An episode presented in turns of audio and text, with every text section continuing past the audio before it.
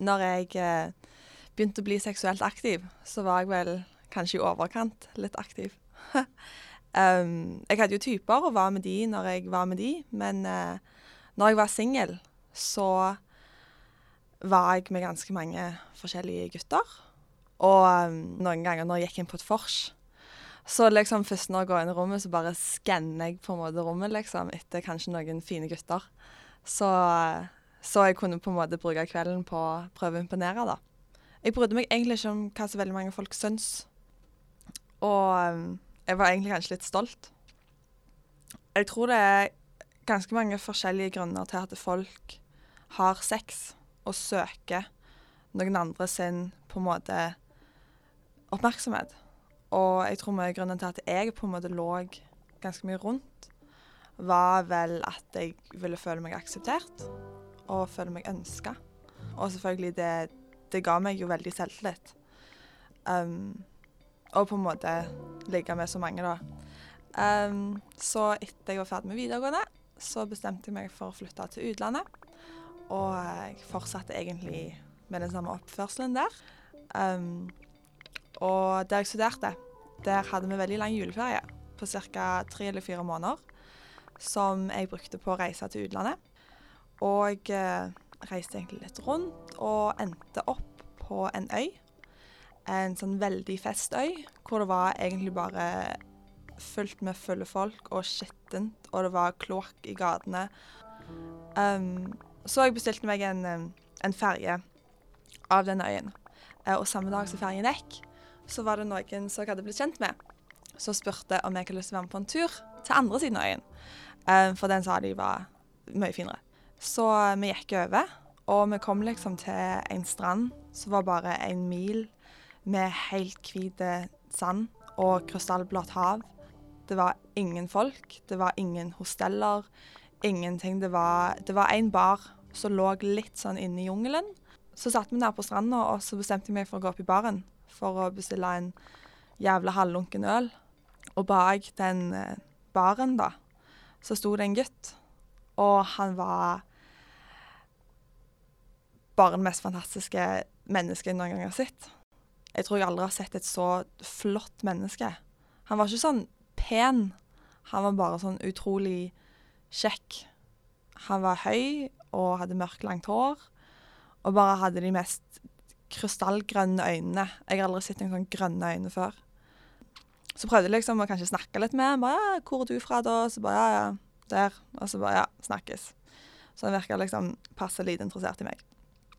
Um, og da når vi skulle tilbake, men istedenfor å gå på den ferja som jeg hadde kjøpt billett til, så tok jeg egentlig bare med ryggsekken og gikk tilbake. Så jeg eh, la egentlig bare camp på, mellom noen palmer på denne, på denne stranden. Og var der. Og der var jeg vel i et par dager før um, noen andre kom og campa med meg, da. Og da ble vi jo en liten gjeng. Og på fritida så gjorde vi mye, men han var liksom Han var liksom aldri med. De timene hvor han hadde fri, så ville han egentlig bare gå, og lese. For han var veldig glad i å lese, tydeligvis. Og ikke så jævla glad i å snakke med meg. Og så etter en kveld hvor vi hadde lagt et bål på stranden, så gikk han hjem tidlig. Så bestemte jeg meg for å følge han hjem. Når han skulle gå inn, så spurte jeg liksom «Eh, Skal ikke vi ha sex nå? Eller kanskje vi har sex? Uh, og han bare sånn uh, jeg tror han skyldte på at han ikke hadde kondomer, men det var tydelig at han hadde faen ikke lyst. Så etter det så ga jeg vel egentlig bare opp. Og så bare egentlig begynte jeg å slappe litt mer av, og egentlig hadde ikke noe behov for å imponere lenger. Så ble vi litt mer venner, da, og vi spilte ganske mye frisbee i vannkanten. Men så, så hadde jeg bursdag, og så før jeg hadde stått, stått opp, så gikk han til andre siden av øyen og kjøpte en mango, for han var, visste jeg var veldig glad i mangoer. Og så lada han telefonen sin. Um, og så kom han tilbake og overraska meg, da. Da spiste vi mangoen og lå i senga og hørte på uh, telefonen hans. Vi hørte på musikk, for det hadde vi ikke hørt på mange uker. Og så plutselig så bare kysset han meg. Og det var liksom bare det mest fantastiske som har skjedd. Og um, etter det så begynte vi egentlig bare å holde på.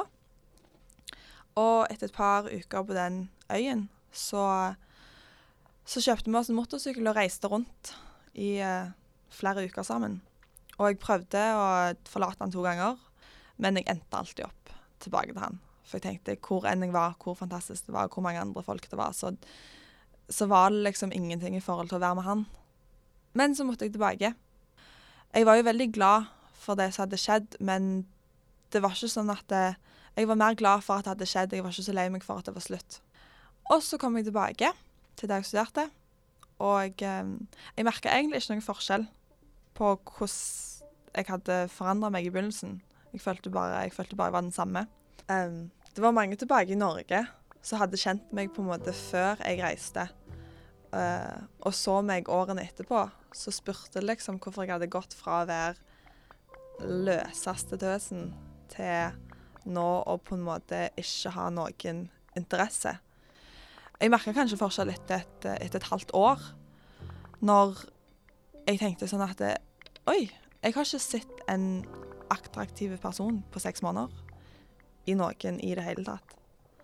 Og eh, de lurte også på hvorfor jeg hadde på en måte slutta å kjøpe nye klær, eller sminke meg, eller på en måte noe sånn.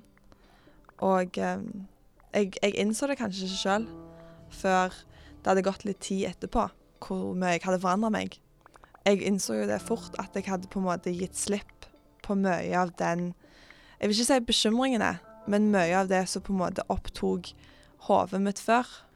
Um, og det var jo derfor jeg fikk ganske mange kompiser.